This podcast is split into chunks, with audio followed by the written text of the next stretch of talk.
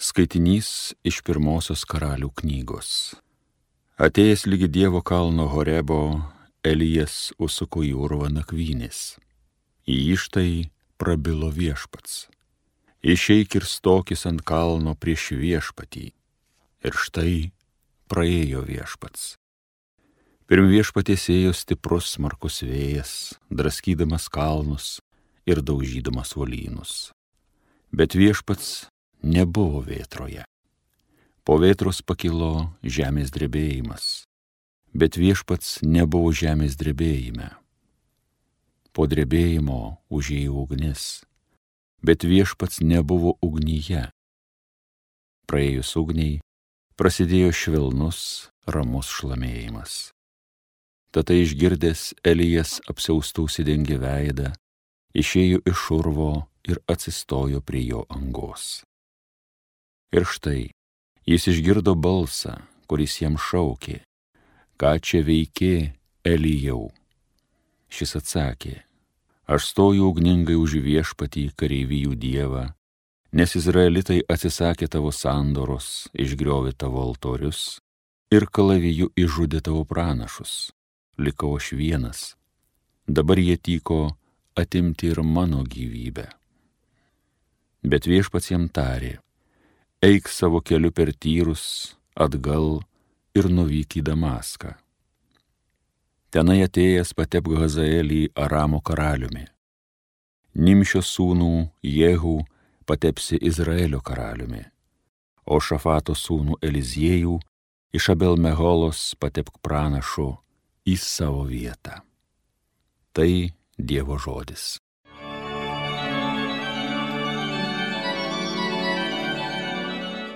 Tavo viešpatie veido aš ieškau. Tu Dieve, išgirsk mano balso šaukimą, būk man maloningas, mane išklausyki. Apie tave širdis man byloja, tu jo veido ieškoki. Tavo viešpatie veido aš ieškau. Tavo viešpatie veido aš ieškau, nuo manęs savo veido neslėpki, savojo tarno rūšį šalin nevaryki, tu mano pagalba, manęs netmeski.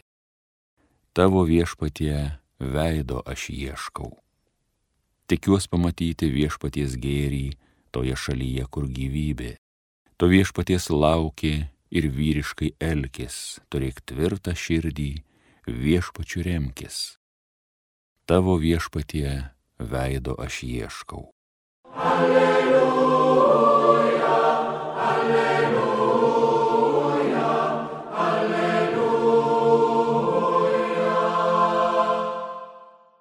Spindėkite tarsi žvaigždės visatoje, tvirtai laikykitės gyvenimo žodžio.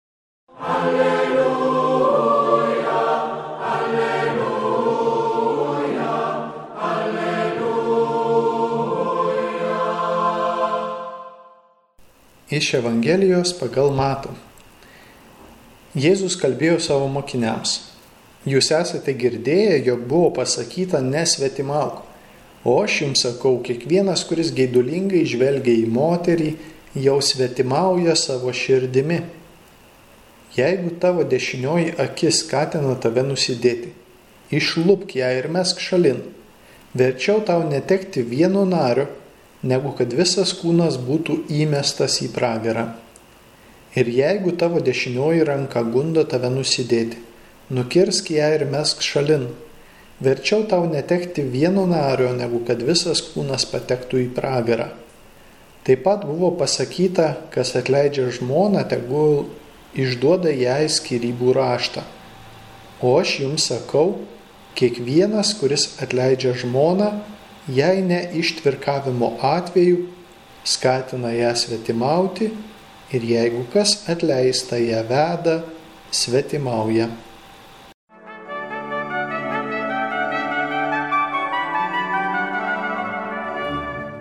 Mėlyjeji, šiandienos Evangelijoje tęsiasi Jėzaus kalno pamokslo žinia. Kalno pamokslė Jėzus kaip mozė užlipęs ant kalno, kur gavo Dievo įsakymus, taip ir dabar Jėzus kaip mozė užlipęs ant kalno, atsisėdęs, moko mus to įstatymo ne tik išgirdimo, ką daryti, kuo vadovautis, bet praplėtimo ir įgyvendinimo taip, kaip Dievo plane yra numatyta. Taigi Jėzus praplečia Dievo įsakymą nuo darimo ir nedarimo, kas teisinga ir kas neteisinga, bet praplečia į iš esmės norą ir troškimą būtent to, kas teisų ir to, kas yra gera. Mat visi žmogaus geri pasirinkimai, geri darbai, geri žingsniai, geri apsisprendimai gyvenime kyla iš troškimo, iš žmogaus noro pasirinkti tai, kas gera. Ir lygiai taip pat nedorybės arba blogybės kyla iš žmogaus troškimų, iš noro pasirinkti kažką, kas ir neatitinka žmogaus laimės ir gėrio. Taigi esame kaip Elijas prie šios uolos, kuriame ieškome viešpaties veido, kuriame viešpaties norime tarsi atspindėti jo valią savo gyvenimu, savo pasirinkimais ir troškimais, bet pro mūsų galvą ir pro mūsų jausmus ir troškimus, kartais kaip blaškanti audra, ar kaip drebėjimas, ar kaip ugnis, įvairūs jausmai ir mintys, kai kurios žavios ir gražios, ambicijos ir visokios kitokios idėjos gali kilti, įvairūs jausmai, negatyvūs ir pozityvūs, bet suprantame, kad jie kartais būna netikri, tam tikrą prasme iliuziniai. Ir čia mes stovime ieškodami viešpaties veido, kuris ateina pas mus ramybėje. Viešpats mums apreiškia save ramybėje. Todėl apaštalas Paulius mums kelbė, Dievo karalystė yra teisumas, džiaugsmas ir ramybė šventojoje dvasioje. Taigi, kas gali perkeisti mūsų troškimus, kas gali palengti mūsų norus į tai, kas yra gera žmoguje, kuris savo silpnume, savo palinkime į egoistiškumą ieško tik savęs. Čia šventoji dvasia gali ateiti ir perkeisti ir išgydyti tai, kas yra sužeista, kas yra neteisu mūsų viduje ir paskatinti į tai, kas yra gera. Ir vis tik žmogaus polinkis arba žmogaus palinkimas į tai, kas yra neteisu, kas yra negera, jis išlieka. Ir tame bažnyčia atpažįsta kaip dvasinės kovos lauką, kur mes visada liksime savo gyvenime kiekvieną dieną esame pavojuje užsimanyti arba trokšti, imti trokšti kažko, kas yra iš esmės neteisu ir neteisinga. Tad Jėzus šiandien mums kalba bažnyčios Evangelijoje apie nuodėmę arba būdą, kaip pabėgti nuo viešpaties valios į kitus dalykus žodžiu nesvetimauk. Jėzus sako, jog šis įsakymas Dievo duotas mozei galioja nesvetimauk. Taigi, Jėzus tik tais praplečia jį giliau. Ne tik tai, kad kažkoks tai santykis netyras yra svetimavimas, bet jau pats troškimas. Tai reiškia, jeigu vyras ir žmona savo santokoje vienas su kitu gyvena ir tegul ir kažkuris iš jų neturi kažkokio ryšio su kažkuo kitu, nesvetimauja, neišduoda savo santokinės ištikimybės, tačiau jeigu jisai masto, geidžia kito asmens negu savo žmonos, jis jau svetimauja savo širdimi. Panašiai Jėzus kalbėjo ir apie a, meilės ir neapykantos kelią. Net jeigu žmogus ir nieko nenužudė, kaip mes dažnai girdime, aš geras žmogus, nieko nenužudžiau, nieko ne, neapvogiau, aš esu geras. tai Jėzus sako, jeigu tu nekenti kito žmogaus, tai ta neapykanta, kurią tu turi kitam, tu jau žudai savo širdyje. Tad viešpats sako, jog norėdami rinktis tai, kas iš esmės yra gera, turime iš esmės to ir norėti. Nuo savo širdies. Ne tik žiūrėti nuostatų, kurias įvykdyti, kaip kokie legalistai, įstatymo vykdytojai, bet iš esmės norėti ir trokšti to, kas yra gera ir to, kas yra teisų ir gera, patikėjus viešpaties maloningų žodžių. Tai tie nuostatai, kuriuos jis mums duoda, yra didžiausias mūsų gyvenimo tvarumas, gėris ir laimė. Iš tiesų, iš tiesų yra laimė ir gėris mums. Todėl Jėzus sako, kas atleidžia žmoną ir išduoda skirybų raštą, tai čia tais laikais tai buvo, kad vyrai atleisdavo žmonas, Šiais laikais Jėzus dar pridėtų ir žmonos, kurios atleidžia savo vyrus ir duoda jiems skirybų raštą. Taigi, jeigu įvykusi, galiojanti santoka, Jėzus sako, yra įvykusi ir po tų skirybų einama į kitus santykius, šituo atveju yra svetimaujama.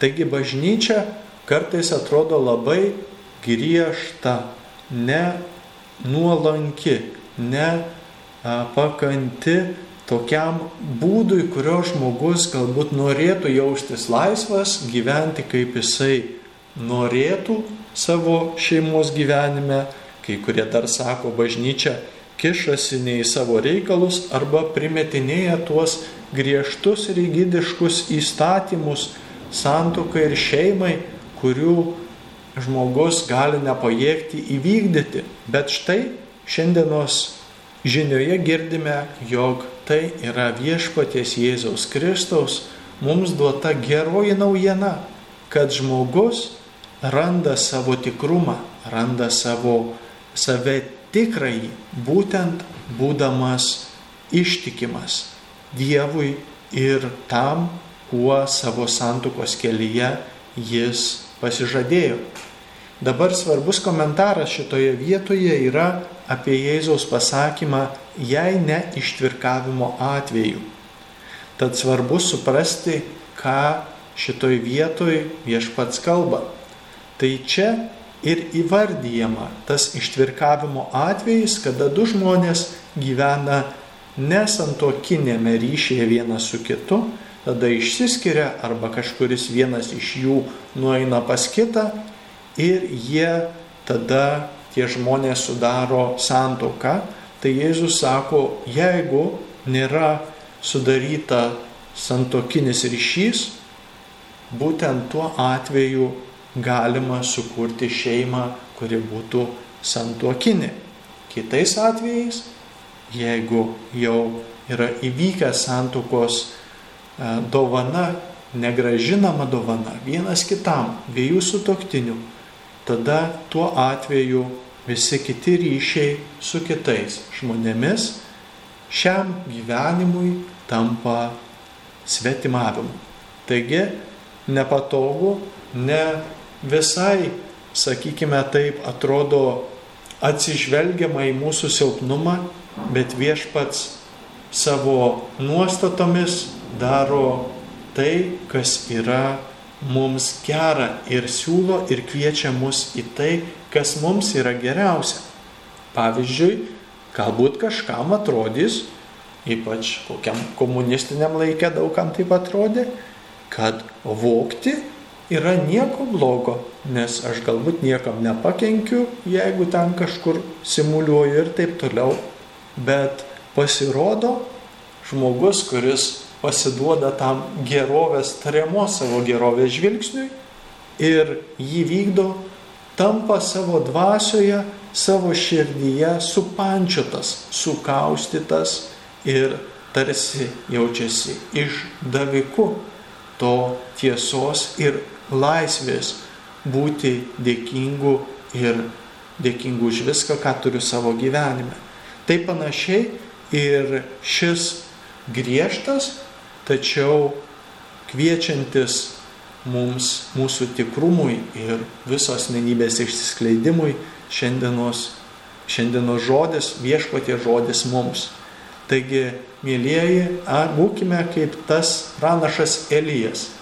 Net jeigu mūsų jausmai ir mintys, kaip tos audros ar tas drebėjimas, mus atakuoja ir degina tarsi ugnis mūsų užėję neteisingi troškimai, likime prie tos uolos viešpatie, pas ką mes eisime, niekur kitur neįsime, atgaivink mus savo dvasios kvėpsniu, savo šventąją dvasę, padaryk mus šventaisiais tavo šventojoje bažnyčioje, kurioje mes regime Dievą ir jo mums duotus įsakymus kaip mūsų išrinkimo ir pašventinimo kelią, kuriame mums bus gera.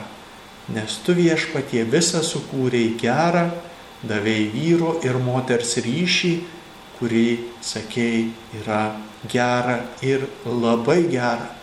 Ir viešpatie leisk įvykdyti ir atliepti tau pamokyk mus ir duok stiprybės įvykdyti tavo duotą planą taip, kaip mes jį atpažįstame tau, kurį mums apreiškiai.